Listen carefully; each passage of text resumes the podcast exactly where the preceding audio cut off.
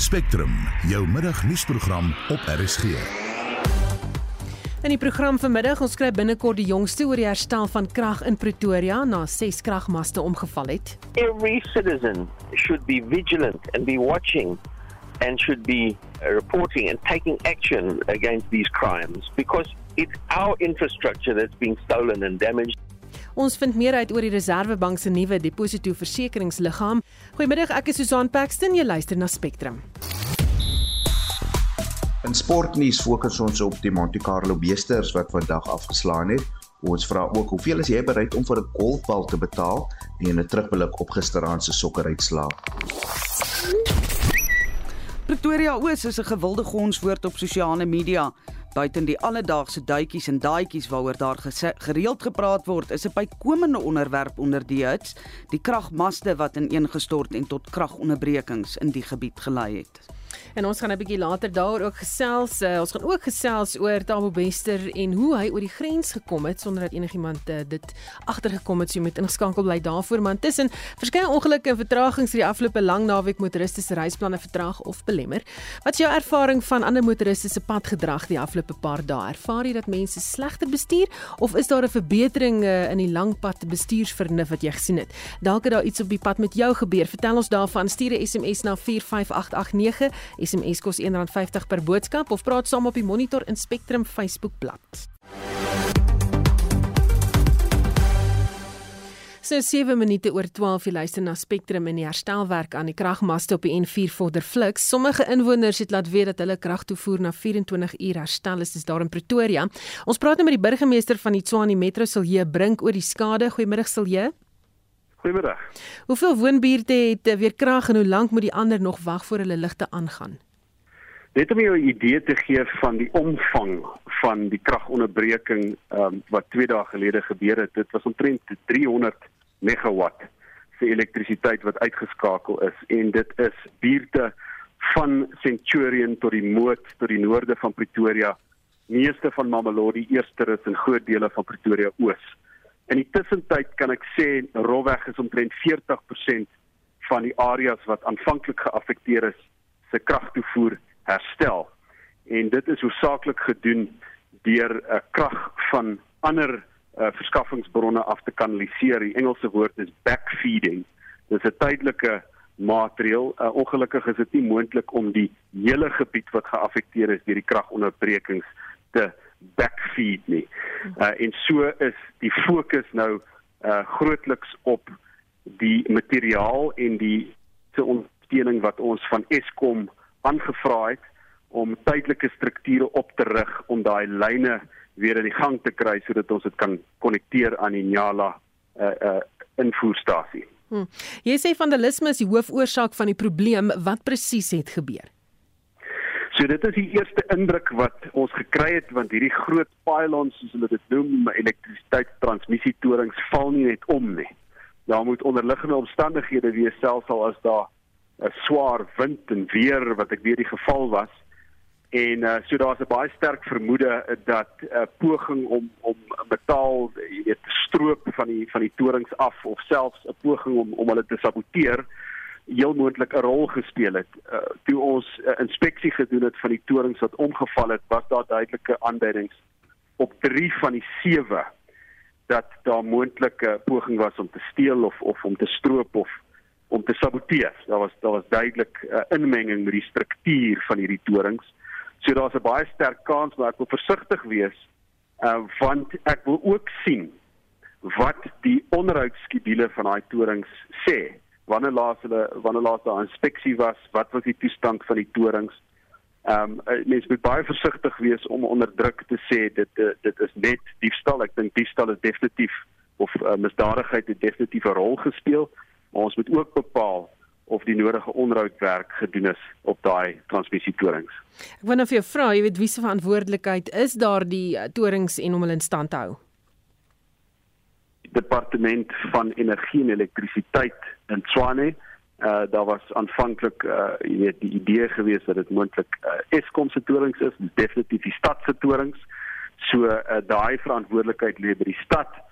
Uh en ook uh sal ons die die hulp van van die Suid-Afrikaanse polisie nodig hê. Toe ek gister uh, daar was, het ek met uh, polisiebeampte intelligensie uiteraard van dit nodig wees om hulle hulp in te kry want die Tshwane metropolisie het gewoon nie die kapasiteit om misdadigheid op hierdie skaal uh, te ondersoek nie misdaad intelligensie en dis weer. En dat ek net sê dat dit die Engelse woord wat kan my help uh, Susan unprecedented dit is um, ongewoon ja. Dit, on, absoluut ongewoon dat dat sewe transmissietorings omval. Nou ek weet dat uh, die die vyf van hulle is moontlik van wie die momentum van die val van die ander wat hulle plat getrek is. Maar maar jy weet dit dit is absoluut ongehoord en en dit is 'n aanval op die infrastruktuur van die stad. Dit is baie baie duidelik. Hmm. Het julle 'n plan om kraginfrastruktuur nou te beskerm? So dit is 'n baie belangrike vraag. Die die stad sal met die Suid-Afrikaanse polisie moet saamwerk en soos ek vir kollegas sê, dit is tyd dat ons definitief tegnologie gebruik hommeltuie wat reeds deur die privaat sektor gebruik word want jy kan net nie deur mannekrag alleen daai gebiede patrolleer en jou idee te gee en jy sal moontlik 'n video gesien het van bo af wat een van die sekuriteitsmaatskappye geneem het. Dit gaan deur diep beboste gebiede waar dit dit moeilik is om selfs met 'n viertrek voertuig in te gaan. So om om om hierdie kilometers en kilometers se uh, 132 kV lyne te patrolleer op 'n daaglikse basis is onmoontlik. Ons sal op kreatiewe maniere moet dink insluitend uh, die gebruik van tegnologie sowel as samewerking met privaat sekuriteitsmaatskappye. En ek wil ook net sê dat toe toe hierdie torings ineengestort het, was daar horde privaat sekuriteitsinstellings wat ons gehelp het om die sekuriteitsvakkie te vul wat motoriste veilig gehou het uh, totdat daar kans was om om hierdie drade te verwyder van van die N4 sowel as Solomon Maslango. Dit same nou met die herstelkoste aan hierdie kragmaste self, wat se impak op die stad se ekonomie?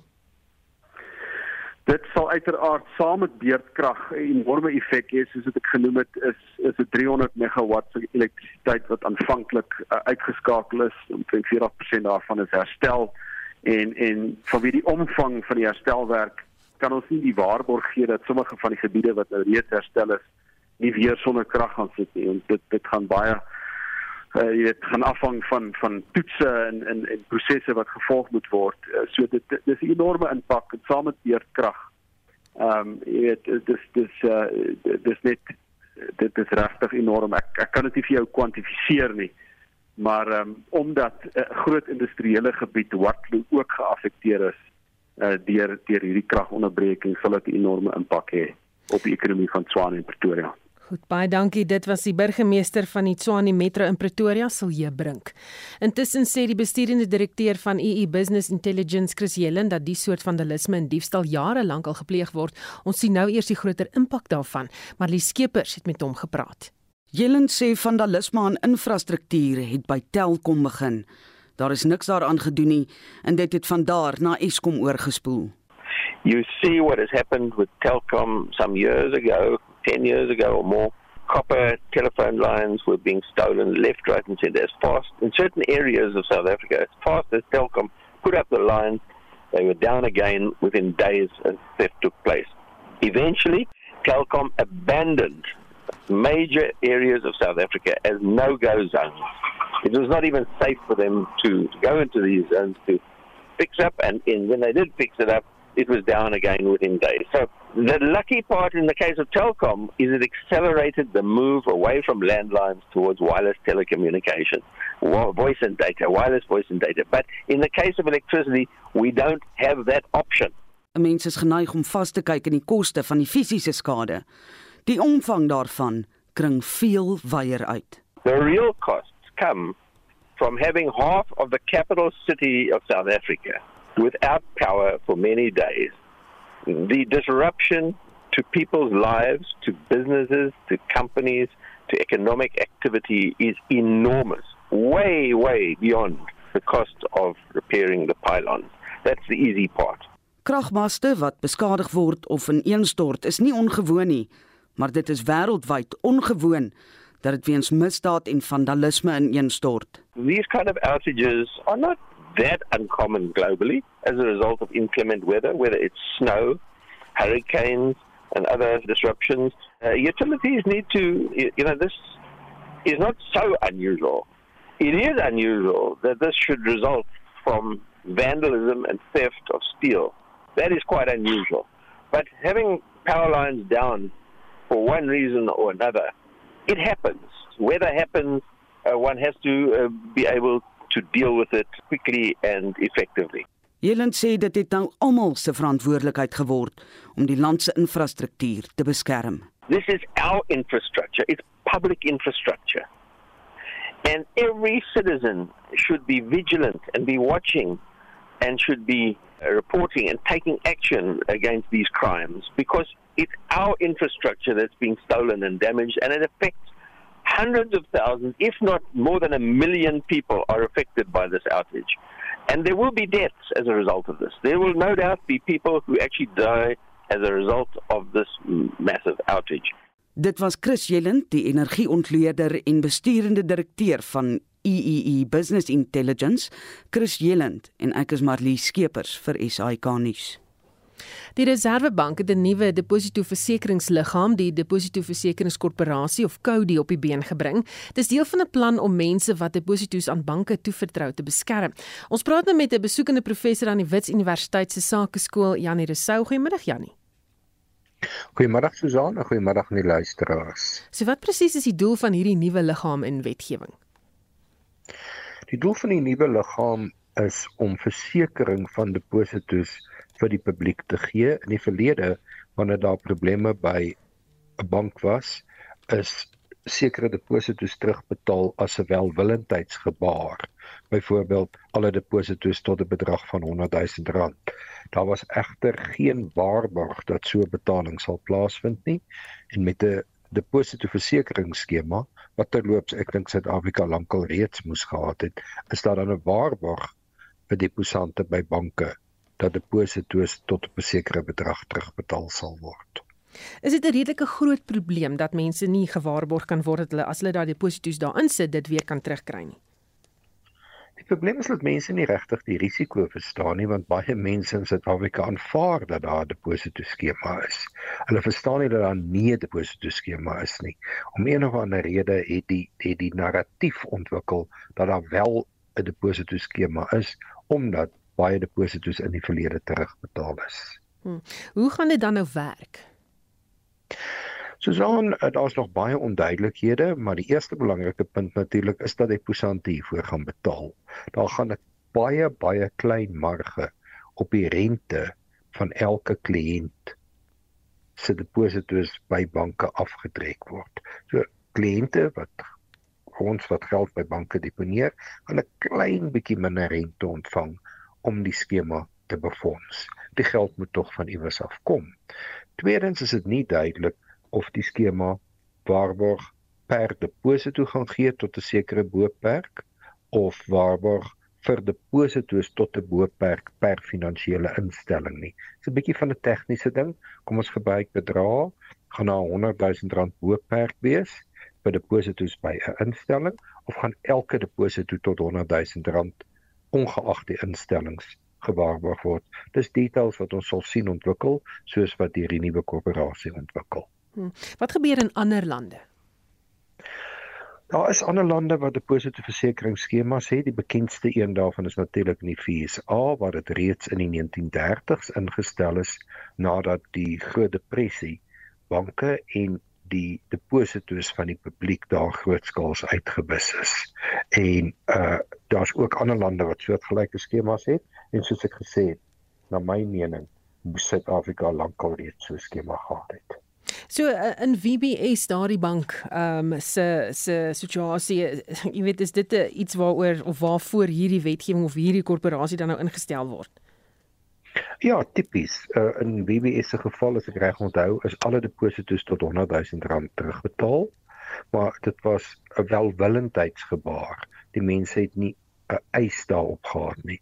Met die de, met hierdie korporasie wat deposito's verseker, sal mense die terugbetaling van die deposito's tot by die boperk soos wat die korporasie gestel het van die koöperasie van die korporasie kan verhaal. Hm. Baie dankie. Dit was 'n besoekende professor aan die Wits Universiteit se Sakeskool, Janie Resou. Die minister van elektrisiteit, Gonsiyenso Ramakgopa se voorstel om die steenkoolkragstasie se lewensduur te verleng, gaan die land duur te staan kom. So waarsku verskeie elektrisiteitskenners en ekonome. Ramakgopa het donderdag die voorstel gemaak wat hy nog aan die kabinet moet voorlê. Ons praat nou met die kragkenner Corneel Skabord. Goeiemiddag Corneels. Goeiemôre Susan. Wat dink jy van die minister se plan uh, kan hierdie kragstasies of die Camry soos jy hom nou al uh, beskryf het nog 'n paar jaar langer mhm. werk? Nee, hierdie is vir my bietjie oneerlik. Daar's al lankal gesê die Camry is op pad na die skrootwerf toe en nou wil hulle hierdie Camry omskep in 'n Mercedes. Ek weet nie wat die plan is nie, want hier's die ding wat my net pla. Die regering, die parlement, daar's reeds bepaalde beleide goedgekeur, daar's reeds planne en die plan is Ons het 'n Medupi en 'n Kusile vir oulaas nog wat steenkoolstasies betref. ERP 2019 is klaar goedgekeur en dit bepaal dat hierdie steenkoolstasies uit bedryf uitgestel moet word. Dit wat Andre de Ruyter in die laaste paar jaar gedoen het was letterlik om soveel as moontlik uit hierdie steenkoolstasies te verkry, maar die plan was nooit om hierdie steenkoolstasies as dit ware uit die doodheid laat opstaan om weer vir ons elektrisiteit te voorsien nie. Dit gaan teen alle logika, so ek verstaan nie waar hierdie plan vandaan kom nie.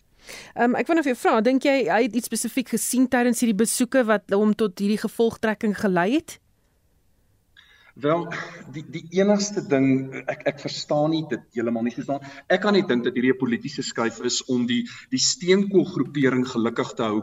Maar maar die feit van die saak is net hierdie stellings is baie gevaarlik en nou het ons al weer twee ministers wat in konflik met mekaar is. Want dit wat Ramagoppa sê en dit wat Pravin Gordhan sê raak in die toekoms van van Eskom maak nie sin nie. Dan ook dit wat aangekondig is met die begrotingsrede waar daar spesifiek geld op sy gesit is is nie om hierdie stasies verstaan langer te laat loop as wat hulle veronderstel is om te loop nie, maar eerder om te investeer in transmissie en verspreiding sodat privaat entiteite elektrisiteit kan toevoeg tot die nasionale netwerk. So die feit van die saak is net hierdie skep ongelooflike onsekerheid in die wêreld want dit laat mens die vraag vra wat is die beleid want daar's bepaalde uh, beleide wat klaar goedgekeur is en hierdie is strydig daarmee en 'n belangrike ding Susan hierdie skep uit die aard van die saak probleme wat omgewings sake betref. Ek bedoel daar's wetgewing in plek gestel wat juis gesê het ons gaan afskaal in terme van ons uitlaatgasse,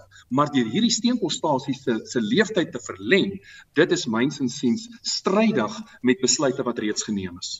En wat van Suid-Afrika se sogenaamde jetplan en die beleggings wat gemaak is as gevolg daarvan en ons verbintenis tot die Parys Klimaatsooreenkoms? Presies, dis presies wat ek sê Susan, ons het reeds onsself verbind om op 'n wyse wyse, op 'n wyse manier hierdie steenkoolstasies geleidelik uit bedryf uit te stel. Daar is 'n plan. Dit beteken nie môre sit ons al die steenkoolstasies af nie. Ek bedoel Kusile en Medupi is nog nie eens ten volle aanlyn nie. So is nog heelwat jare wat ons steenkool gaan hê, maar ons het reeds onsself verbind tot die afskaal van steenkool elektrisiteit en gevolglik beteken dit dit wat nou gesê word is strydig met daai internasionale verdrag wat ook al onderteken is. So ek weet nie hoe gaan hierdie uh van die grond af kom nie. Hierdie voel vir my ons is nou heeltemal besig om 'n uitdraai te maak rakende besluite wat reeds geneem is wat die land reeds wou inneem.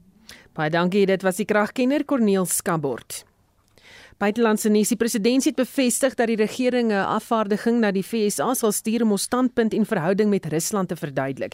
Die president sê egter nie sê wie hy gaan stuur nie. Ons praat nou met professor Antoni van Nieuwkerk van die Nisa se Tabo Mbeki Afrika Skool vir Internasionale Betrekkinge. Goeiemôre Antoni. Hallo Susan, jy dit alles in een sin gesê sonder om asem te haal. Nee, dit is 'n uh, my uh, spesiale wat skill soos hulle in Engels sê, lang asem. Jou, jou vermoë. Hy vermoë. Hoorie so Antoni, hou hierdie gebeure verband met die lasbrief wat vir die Russiese president uitgereik is en sy moontlike besoek aan Suid-Afrika. Mens kan seker wel argumenteer dat daar uh uh you can connect the dots, daar's jy weet uh uh daar's verhoudinge tussen al hierdie hierdie faktore hou onderling met mekaar verband in die internasionale politiek. Uh miskien moet ek dit so uitdruk. Uh en die groot prentjie, ons het nou nie tyd vir 'n lang lesing nie, nê, nee, maar ek dink die groot prentjie is die wêreld is vinnig is besig om baie vinnig te verander voor ons oë. Ou alliansies uh uh en nuwe alliansies word vervorm en hervorm en geskep. En trouens, jy weet binne 'n paar maande gaan ons dalk die moontlikheid sien van van die BRICS alliansie waaraan ons ons waaraan Suid-Afrika behoort dat hy gaan uitbrei en 'n meer prominente rol gaan speel in internasionale handel. En en as dit die geval is, wat ek vermoed gaan gebeur, dan gaan ons handelsverhoudinge met ons tradisionele handelsvennote in Europa en in Noord-Amerika, jy weet, uitgebalanseer moet word met hierdie nuwe moontlikhede wat ontstaan in die in die in die golflande, die Midde-Ooste, China en Rusland ingesluit. Met ander woorde die die die die die die, die wyeer BRICS alliansie.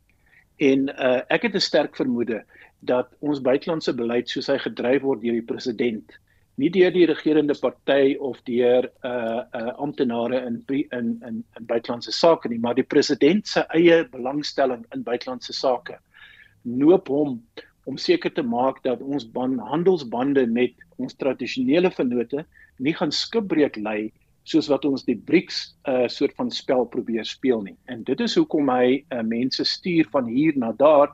Dis nie die eerste keer dat hy so uh, wat noem mense dit 'n uh, gesant uh, iewers hierheen stuur nie.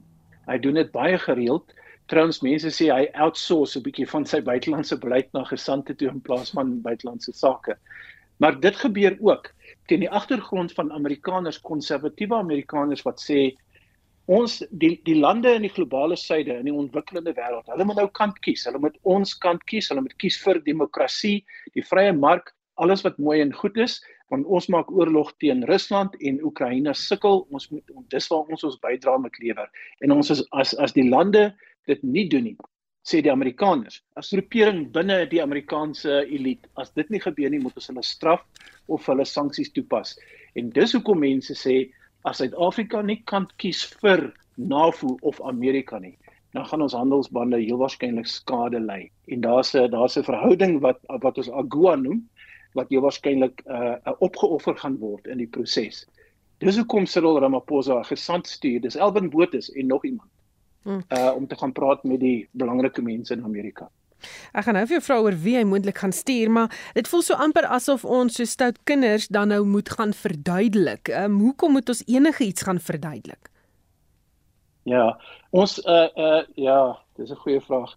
Uh, as as ons uh, groot en belangrik was uh, as ons 'n 'n 'n 'n ehm 'n ekonomie gehad het wat betekenisvol is in terme van sê maar die BRICS uh verhoudinge. En uh, dan sou ons heel waarskynlik uh kon besluit het wie ons wil kies en wie ons nie wil kies as voornote nie en gewoon, jy weet, net die boodskap uitstuur. Maar ons ekonomie is afhanklik van uitvoere en invoere. Ons byvoorbeeld, byvoorbeeld, die regerende party het 'n lang geskiedenis van 'n renons teenoor die Europeërs. Uh, dit kan ons verstaan. Maar hulle sluit nie die EU uit in hulle verhoudinge nie want die Europese Unie is van ons belangrikste handelsvennote. Of jy nou hou van hulle geskiedenis, die verlede, kolonialisme, slawerny, noem maar op, jy weet, uh, hulle sal daai verhouding moet handhaaf. Dieselfde met Amerika. Ek wil daar's baie min ideologiese uh verdraagsaamheid tussen Blinken, Biden, Trump, noem maar enigiemand in die politieke elite aan die Amerikaanse kant en ons regerende party. Uh uh, uh, uh, uh beide kante blameer mekaar vir langdurige oorloë in Irak en Libië en en so aan en so aan. Maar dit vat nie die feit weg dat uh, ons uitvoere na Amerika uh, uiters belangrik is nie. En as ek die punt kan maak, ons het darm 'n bietjie van 'n van 'n rol om te speel in internasionale handel want hier in Suider-Afrika sit ons um, bo op 'n klomp minerale wat in die toekoms baie belangrik gaan word vir vir 'n uh, nuwe tegnologie. En en uh, die buiteland, die Chinese, die die uh, lande van Asië, maar ook Europa en Amerika stel baie belang om hulle voete te hou binne in hierdie prentjie wat wat ek nou skets. En dit is hoekom 'n gesant gestuur word dink ek Susan en hy hy of hulle gaan ontvang word en daar gaan 'n gesprek wees. Hm. So, jy het nog klaar een se naam genoem, wie anders dink jy gaan hy stuur? Wel, ek, ek kan ek het tree terug staan en sê dat ek dink eintlik ehm um, ons buitelandse sake moet so goed voorberei wees op hierdie kwessies dat jy nie 'n gesant eers hoef te stuur nie. Uh ons ons het ambassadeurs, ons het am, ons het amptenare, ons het 'n hele departement wat veronderstel is om hierdie ding te dryf uh hoekom jy nou nog 'n gesant moet aanstel of aankondig wat dit gaan doen uh, gaan my verstand te bowe. Uh en miskien oordryf ek die saak want as Elwin Botha wat 'n adjunk minister is van buitelandse sake, as hy die afgevaardigde is, dan maak dit sin. En hy sal waarskynlik uh bygestaan word deur een of twee weet nie baie senior amptenare en dalk iemand van die presidentskap self. Ek spekuleer nou maar. Ha sê, kom ons hou dit dop. Baie dankie. Dit was professor Antoni van Nieuwkerk van die Nisa se Tabo Mbeki Afrika Skool vir Internasionale Betrekkinge. Jy luister na Spectrum. Op RSG. Later in die programme bekende inwoner by Oshaka blaas eh, sy of haar laaste asem of in die geval ligborrel uit. Elke besoeker oor die laaste 18 jaar was absoluut verbaas oor hierdie ongelooflike mooi en groot visse wat in die tank rond swem. En die paasnaweek se padprobleme frustreer motoriste. Ons praat daaroor. Bly ingeskakel. Daar is geen verkeer. In die Weskaap op die N1 inwaarts net voor Klipheuwel was 'n ongeluk. Die linkerbaan word versper. Daar is 'n verkeersopeenhoping, verwag vertragings. KwaZulu-Natal, die verkeer by die Marion Hill tolplaza is baie druk met net meer as 1400 voertuie wat per uur in 'n noordelike rigting deur beweeg en sowat 1200 in 'n suidelike rigting. Ek is Marlie Skeepers en dit was die middagverkeersverslag op Spectrum.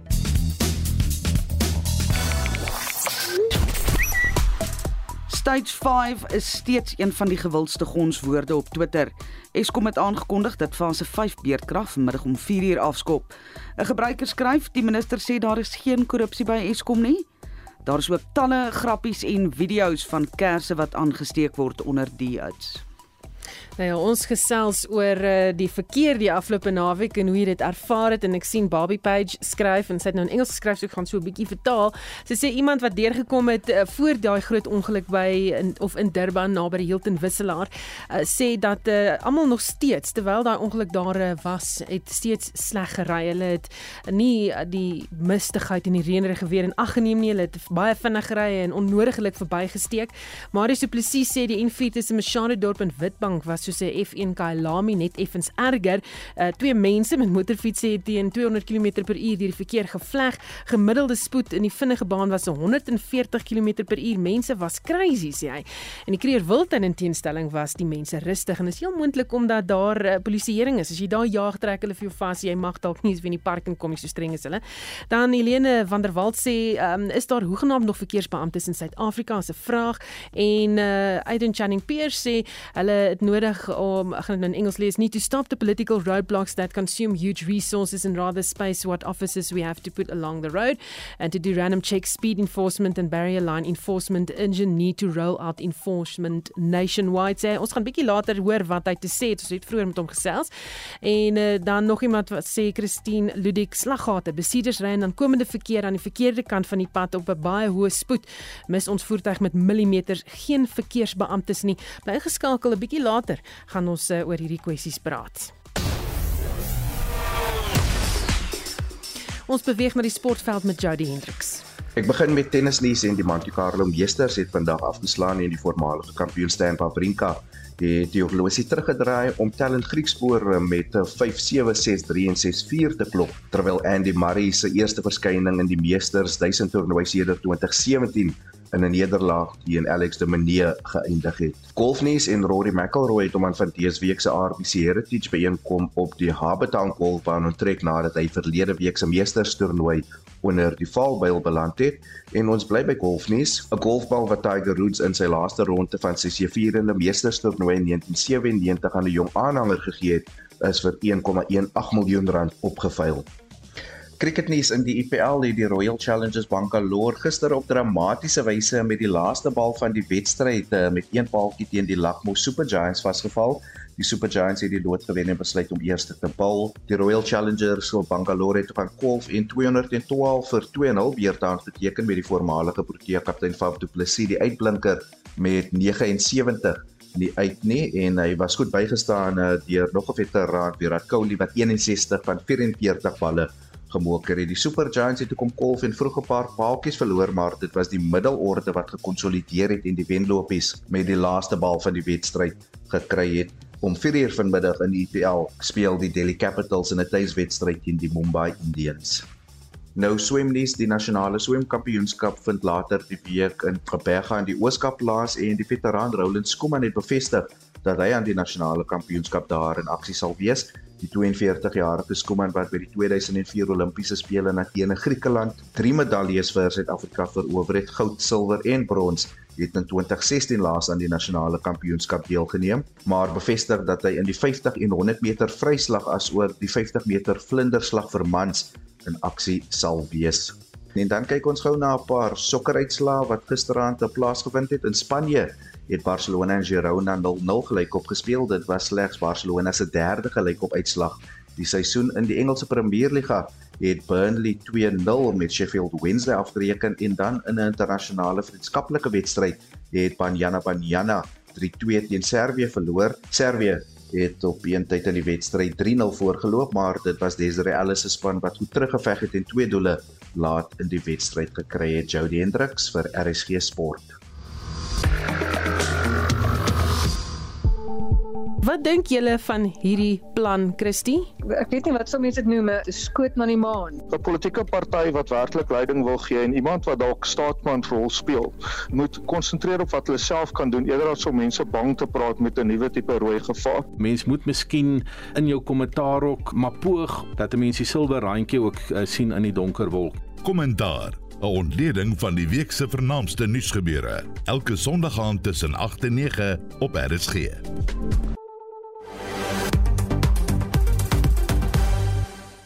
Dis en luister hier nou na Spectrum. Twee verdagtes verskyn vandag voor die Landdroshof in Bloemfontein in verband met die ontsnapping van die veroordeelde reeksverkragter en moordenaar Tabo Bester. Die twee sal vermoedelik slegs vlugtig verskyn. Ons praat intussen met professor Willem Els van die Instituut vir Sekuriteitsstudies oor hoe maklik Tabo Bester en sy vriendin die grens oorgesteek het sonder dat owerhede dit opgemerk het. Uh, Goeiemiddag Willem. Goeiemôre. Wat sê dit van ons land se grens en die beveiliging daarvan? Ja, jong, kyk, uh, dit is natuurlik algemene kennis dat uh, nie net Suid-Afrika nie, maar uh, meerendeels in in in Suider-Afrika is is ons uh, grense maar baie uh, porieus, uh, soos wil nou daai anglisisme te gebruik. Uh, Suid-Afrika se uh, natuurlik uh, soveel te meer as ons nou kyk na wat gebeur het met die debakel omtrent die omheining of die heining wat hulle opgesit het tussen uh, Zimbabwe en en Suid-Afrika wat natuurlik weggedra is en uh, baie min van oor is. Uh natuurlik 'n ander probleem wat ons ook dink moet wat wat jou jou uh grense natuurlik ook baie uh, porieus maak en kwesbaar maak is natuurlik die oorweldigende korrupsie onder die amptenare by ons grensposte. Hmm. Is die regering se optrede nou skielik 'n bietjie oordadig as 'n mens nou kyk maar net of net dink aan die Gupta's byvoorbeeld? Ek dink hulle is onder druk. Uh, onthou ons ons ons sit met die Guptas wat so 'n bietjie eier in die gesig is, maar ek dink ons ons ons ons ons kan nie die twee met appels met appels vergelyk. En uh die uh, die geval uh natuurlik uh, uh is het het heeltemal ander Marite. Uh so ek dink dit gaan heeltemal 'n ander uh, anders uitspeel as wat die Gupta saak hom uitgespeel het sover. En dan ons binnelandse intelligensiedienste, wat sê dit of hierdie hele gebeurtenis van dit want uh, dit is nie enigs dit was nie ons polisie of enigstens iemand van ons sekuriteitsowerhede wat hulle in hegtenis geneem het nie. Ja, dit is natuurlik eh, kyk uh, ons ons intelligensiedienste uh, en natuurlik die polisie en die en die judisie is natuurlik onder druk na die staatskaping wat natuurlik baie baie oop en in in in uh, uh, kwesbaar gelaat het omdat ons soveel van ons kapasiteit verloor het.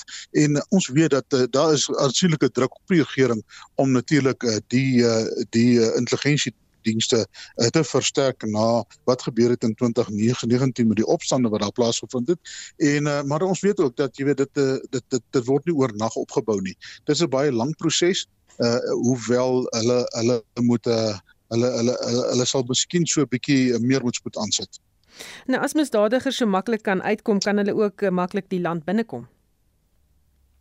Uh, uit die aard van die saak ja ongelukkig so. Jy weet want eh, korrupsie uh, werk aan twee kante. As jy gaan kyk hoe die mense uitgegaan het hulle het natuurlik uh, oor ons grense gaan uh, sonder dat hulle paspoorte gestempel is.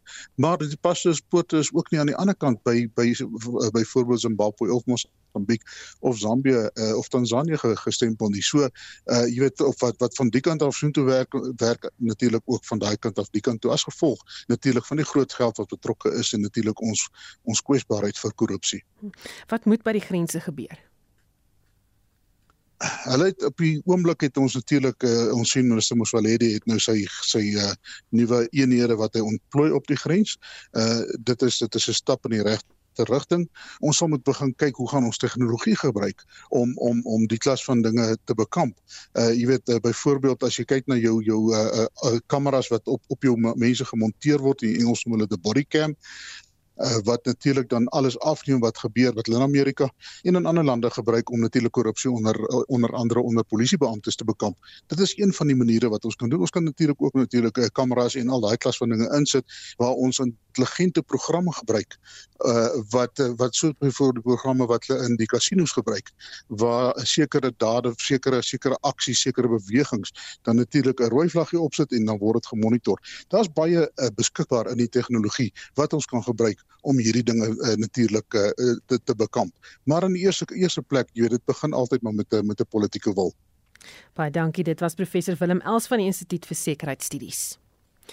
Meer as 700 mense is die afgelope Paasnaweek op die land se paai gearresteer vir verskeie padoortredings.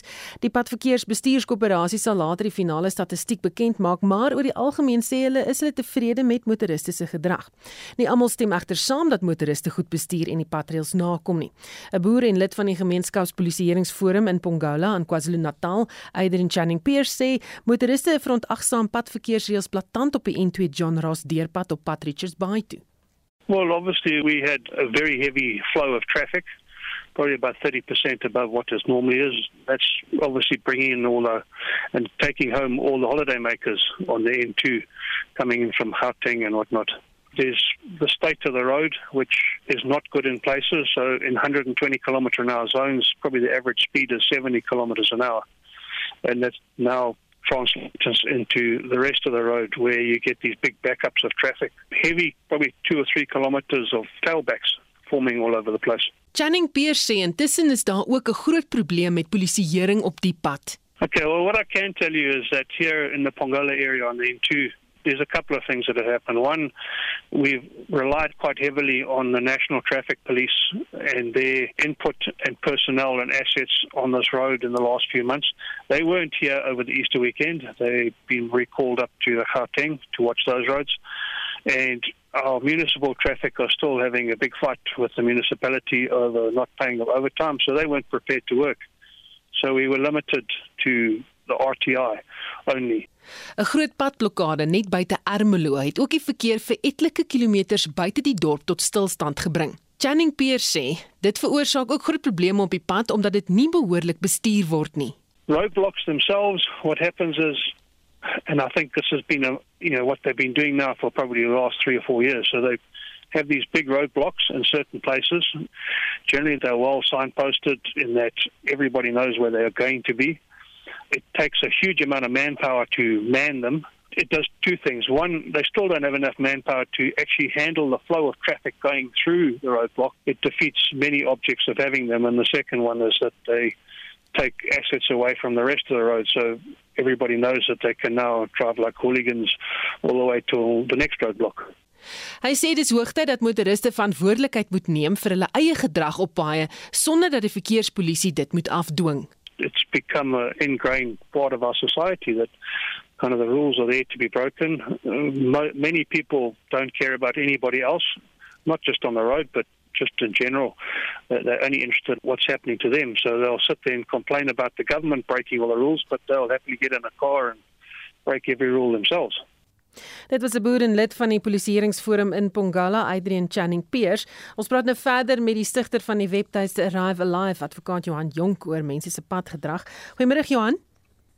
Susan, lekker om jou te gesels. Hoe het motoriste hulle self op die paaie gedra die afgelope Paasnaweek? Jo, weet jy Susan, ek het nou nog nie amptelike syfers gekry nie. Behalwe gister se se geweldige uh ongeluk daar by Hilton in Natal was daar nie vir my 'n uh, baie um, kom ons sê uh ek weet groot gevalle waar baie mense op beslag oorlede is nie. Die die die voetgangers bly 'n probleem en ons maar het ongelukke dwars oor die land op al die provinsies se paaie. Ons wag nog vir die amptelike syfers, maar soos jy ook weet, jy weet die uh die gedrag is nie iets wat ons kan verander soos 'n ligskakelaar wat ons aan en afskakel nie. Hmm. En dan kan jy agterkom dat mense patreels met opset verbreek of verontagsaam. Nee, dis definitief so, eh, Susan. Weet jy daar's daar's 'n groot wetteloosheid in ons land en dit is nie net op op die paaie van toepassing nie, dis oral van toepassing. Jy weet ek sê altyd as jy kyk na die lande waar die waar die beste um, padgedrag is, kry jy ook die laagste misdaadrekords en so, jy weet. En dit is duidelik dat ons 'n uh, uh, 'n probleem in ons land het met mense wat nie die padreëls nakom nie. Hoeveel verantwoordelikheid lê by die owerhede en hoeveel by die motoris self? Jy weet Susan, ons sê altyd 85% van die van die bydraende faktore tot padsterftes is menslike faktore. En daai menslike faktore is maar eet goed oor onsself beheer het. Uh jy weet as ek kyk na soos uh, jy jy besluit jy wil drink voor jy bestuur. Jy weet jy jy weet jy gaan op die pad gaan, jy weet voor die tyd moet jy ordentlik rus dat bestuurder moegheid nie 'n probleem wees nie. Jy weet ons probeer vir mense vertel jy moet elke 2 ure stop, maar mense luister maar net nie. Jy weet, dit bly 'n probleem. Ek sê altyd, jy weet daai is so waar wat hulle sê van mense wat in glashuise bly, moenie klippe gooi nie. Ons sê altyd met dis daai mense. Jy weet, dis die ander mense se skuld. Uh dit is duidelike probleem as jy byvoorbeeld in ag neem dat hoe, hoeveel van ons mense uh, bly vasgegordel op die agtersitplek van voertuie? Terwyl ons almal weet dat ons moet veiligheidsgordels dra volgens wet terwyl ons weet dat dit veilig is om veiligheidsgordels te dra nog steeds doen ons dit nie uh, dit dit is teen die wet om byvoorbeeld te bestuur en 'n selfoon te gebruik nog steeds doen ons mense dit jy weet so so definitief die die bestuurder self en ons passasiers self dra 'n geweldige bydrae tot die die padsterftes in ons in ons op ons paaie Baie dankie. Dit was die stigter van die webtuiste Arrive Alive advokaat Johan Jonk. Die Withuise nasionale veiligheidswoordvoerder John Kirby sê hulle gaan nie verder uitbrei oor presies wat in die hoogsgeheime dokumente vervat was wat op sosiale media platforms uitgelek is nie. Verlede week is sowat 100 hoogsgeheime dokumente wat inligting oor Rusland, Oekraïne, China en ander Midde-Oosterse lande bevat openbaar gemaak. Die departement van justisie het gesê daar sal 'n ondersoek na gebeure wees. Ons praat nou met 'n professor in praktyk aan die Universiteit van Johannesburg, Theo Venter. Goeiemôre Theo. Goeiemôre. So, wat is hierdie inligting wat hier bekend gemaak is? Nou, kom ons kom ons gaan net eers na die na wat lyk na die bron van die van die inligting. Dit lyk asof hierdie inligting gelek is uit dokumente wat aan die hoofde van die ehm um, die militêre uh, intelligensie afdeling van die Amerikaanse weermag gestuur is. Met ander woorde, dit is dokumente en dit is materiaal wat hoogs sensitief is. En as 'n mens nou kyk na wat op die sosiale media verskyn het, dan is die fotos, dan is die dokumente afgeneem waar dit op 'n op 'n lesenaar lê. Met ander woorde, van buite af lyk dit vir my baie meer ehm um, legitiem as wat die Amerikaanse ehm um, woordvoerders op die oomblik probeer sê. Almal probeer dit 'n bietjie afmaak, maar wat hierdie inligting so ehm um, krities maak is dit vertel nie alleen die storie van wat Amerika doen ten opsigte van veral die oorlog in die Oekraïne nie, maar dit vertel ook die storie van hoe Amerika op sy eie ehm um, vennote en sy eie geallieerde vriende spioneer. Dit vertel die storie van hoe diep die Amerikaners binne in die Russiese ehm um, weermag ehm um, intelligensie versamel. Dit vertel die storie van wat hulle alles weet van die Russiese huursoldaat groep, die Wagner groep. En dit vertel ook uh, die storie van die swakhede en die sterkpunte van van die Oekraïne en die en die oorlog daarin en van die belangrikste syfers wat uit die dokumente kom is hoeveel mense is regtig dood in die oorlog en ehm um, watter syfers aan ons bekend gemaak word en wat die syfers is waarmee die intelligensie gemeenskap werk. So ek dink is baie belangrike dokumente wat 'n verskriklike verleentheid vir die Amerikaners veroorsaak. Wie sou dit lek en wat sal hulle baat daarbey? Wel, dis 'n vraag wat ons al gevra het destyds met WikiLeaks en dis 'n vraag wat ons gevra het toe die dokumente oor uh, die bankwese ehm um, versprei is. Dit lyk asof dit vir die eerste keer gepubliseer is so aan die einde van Maart ehm um, op uh, netwerke um, wat veral met um, groot rekenaarspeletjies te doen het. Um, van 'n van 'n militêre aard en dan word dit van daar af soos ons nou weet versprei dit soos 'n veldbrand. Ehm um, so dit het eers verskyn op ehm um, op uh, Discord en daarna op Twitter 4chan en toe Telegram. Met ander woorde as dit nou so loop, dan moet jy weet dit lê die wêreld vol. Dit word gewoonlik gedoen deur iemand wat een of ander ehm um, wat sal ek dit nou noem? Ehm um, uh probleem het met die oorlog of probleem het met gesag of probleem het met ehm um, hoe hy behandel is wat dit dan vrystel in 'n poging om homself te regverdig en wat hy doen en dan natuurlik van daar af loop ehm um, hierdie goed onbeheerst ehm um, soos 'n veldbrand. Ehm um, ons het dit in in 'n hele paar van hierdie groot lekkasies al gesien. Dit wat die dit wat die openbaarmaker of die vletjieblaser wat mens hom ook al wil noem as jy as jy dink hy doen goeie werk met 'n vleis vletjieblaser as jy dink hy werk teen jou belange dan gaan jy hom natuurlik 'n terroris noem of een of ander uh ondergrawende element maar hmm. van daar af um, gaan dit oor hoe beheer jy die storie en hoe stel jy reg byvoorbeeld twee goed wat die vir die Amerikaners 'n geweldige verleentheid nou veroorsaak is hoe hulle die die ehm um, uit-Koreane wat beskou word as 'n baie baie noue alliansievernoot van die Amerikaners, hoe hulle druk op Suid-Korea uitgeoefen het met betrekking tot die Oekraïne en hoe byvoorbeeld hulle spionasienetwerke ook die Israeliese Mossad um, gepenetreer het. Met ander woorde, dit is nou um, verhoudinge van mense en intelligensiegemeenskappe wat naby aan mekaar beweeg om dit nou reg te stel. Baie dankie. Dit was 'n professor in praktyk aan die Universiteit van Johannesburg, Theo Venter. Besoekers aan Oshaka in Durban en KwaZulu-Natal sal vir Dion en Stanley die Briqua Bars ken wat saam met die haie in die haai tank swem. Dion wat 200 kg weeg en wat na raming seker al 40 jaar oud is, het egter verlede week gevrek. Marike Muson, die direkteur van die Suid-Afrikaanse Vereniging vir Marine Navorsing by Oshaka, sê Dion was al 'n instelling by die akwarium en sal soos 'n lid van die familie gemis word. En het hulle tydens die nadoetse ondersoek uitgevind dat Dion, wat al 18 jaar by die akwarium is, nie hy is nie, maar eintlik is sy.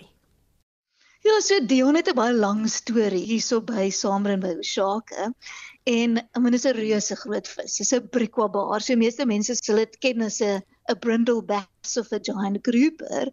En Dion en sy vriend Stanley is 18 jaar gelede gered deur vissermanne en hulle name was Dion en Stanley uit die St Lucia riviermonding toe dit so droog was hier so in KwaZulu-Natal. So toe het hierdie groot visse vasgesit in 'n tipe van 'n klein poeltjie en hulle het die akwarium gebel en gesê hier's hierdie twee ongelooflike mooi visse. Kom ons sit hulle in die akwarium. En van toe af en dis nou 2005 is hulle al heeltemal deel van die familie. En Dion was die groter vis, bietjie van 'n ehm um, minder helder kleur as Stanley en toe die vis hier aangekom het, het Dion en die vis het toe reeds 196 kg geweeg. So dit is 'n volwasse vis.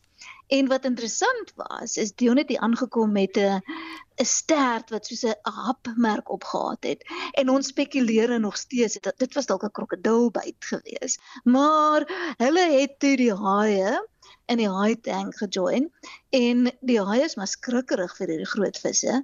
Maar natuurlik elke besoeker en ons praat nou van miljoene mense oor die laaste 18 jaar was absoluut verbaas oor hierdie ongelooflike mooi en groot visse wat in die tank rond swem en hulle is verskriklike rustige visse en hulle het ook weet party diere het ons goeie persoonlikheid en hierdie brikwabaars het baie persoonlikheid en hulle raak baie vinnig mak en mens kan hulle ook leer jy weet ons het hulle geleer om op 'n teken te kom eet want dan kan jy monitor hoeveel hulle eet waar hulle eet jy kan hulle kyk ensovoorts.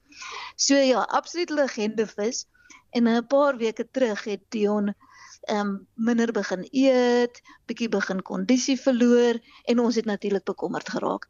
So na baie observasies het ons besluit ons gaan probeer om die vis in die haai tank te medisyne te gee wat natuurlik 'n 'n reuse uitdaging op syself is. Maar nou wat interessant is van hierdie Brekwa baars, hulle het verskriklike dik laag van skubbe. Hmm. En dit baie sterk skubbe. So dis 3 lae. So om 'n inspuiting naald in te kry is nogal 'n groot uitdaging, maar ons span was ongelooflik. So ons het toe die vis uitgeskuif na die vishospitaal en daar was duidelik baie komplikasies en sy gesondheid was definitief gekompromise. Toe begin dit, jy weet, 24 uur se monitering. Ons het aangekap met antibiotika. Ons het addisionele suurstof gegee. Weet met die skuiwery het die vis dryfkrag begin verloor, so op die bodem gaan lê. Ons het 'n draagbaar gebou soos 'n bedjie onder die water om die vis mooi regop te hou sodat dit baie makliker kon asemhaal. En toe 6 dae later, die oggend, toe sien ek die ons besig om kleur te verloor en dis altyd 'n groot bekommernis. En ek het kon toe sommer voel ja, ons is nou ons is nou besig om hierdie battle te verloor. En daai hele dag was die fokus om die vis so gemaklik as moontlik te hou, dit so maklik as moontlik te maak om asem te haal en net daar te wees en jy weet op 'n stadium te besluit moet ons nou maar die vis help en dit was moeilik jy weet ons het ons het personeel hierso wat al vir 18 jaar met hierdie vis werk is absoluut deel van die deel van die familie so natuurlik weet ons het 'n baie goeie veeartsspan en besluit om 'n nadoetse ondersoek te doen so so gou as moontlik en weet alles het uitgewys na ouderdom, skete en kwale, weet van groeisels in die kiewe. Uh allerlei interessante goed, daar was selfs 'n uh, 'n rog se weet die pyltjie in die lewer van jare terug al daar kon wees het. So ons het verskriklik baie geleer en gesien eintlik hoe baie ou brekwabaars weet interner lyk. Maar wat interessant was is as praat van Dion het ons maar altyd gepraat oor hy. Maar ons kon toe sien tydens die ondersoek dat dit 'n sy was so dit was 'n wyfie vis. En wat interessant is van van hierdie brekwabaars is almal begin as wyfies en dan op 'n stadium sal van hulle oorskuif na mannetjies. So so Dion was die haar hele lewe lank 'n wyfie gewees met 'n baie interessante mooi naam. En dit was Marike Musan, die direkteur van die Suid-Afrikaanse Vereniging vir Marine Navorsing by Oshaka. En gaan kyk gerus op ons Facebook-blad vir foto's van Dion se versorging en van Dion self wat Marike met ons gedeel het. Nou ja, dit is vir Renier van Sail. Hy is 'n portefeuillebestuurder by Efficient Private Lines. Renier, is jy daar? Ek is die soos is dan, ek kan verskoning, die fyn is nie aan ons kant nie, maar ehm um, net net om, om aan te gaan waar ek opgehou het, uh, ja, so die plaaslike markte skuld van Chinese markte hoor. Ons het terugvolgend uitgevind dat inflasie in in China het in Maart geklim met 0.7% jaar op jaar en dit is so klein bietjie af van Februarie af waar geklim het met 1% jaar op jaar. Nou ons weet China sukkel glad nie met dieselfde inflasionêre druk so wat meeste ander lande mee sukkel nie vir 'n hele paar redes. Nou, as ons kyk uh, na die grootste presteerders op ons beurs, is baie van ons kommoditeitsmaatskappye lekker sterk. Anglo is op met 3.8% en Kumba is op met so 3.4%. Dan as ons kyk wat die rand gedoen het van volgens se vlakke, hy's so klein bietjie versterk. Hy staan teen 18.28 teen die dollar. Hy staan teen so 22.77 teen die pond en dan 19.97 teen die euro. Nou die prys van goud is amper 1% sterker op 2004 dollars per fyn ons en dan sien ons ook die Amerikaanse markte lyk lyk so van die groen wil oopmaak. Ons weet dat alle oë is natuurlik op môre se inflasiesyfers vanuit die wêreld se grootste ekonomie en dan natuurlik ook die nuwe rapporteringsseisoen wat Vrydag afskop met die grootste banke en dan laaste sien ons meeste Europese markte verhandel heidaglik in die groen en dit my storie vir vandag. Ek wil dit baie lekker dag verder.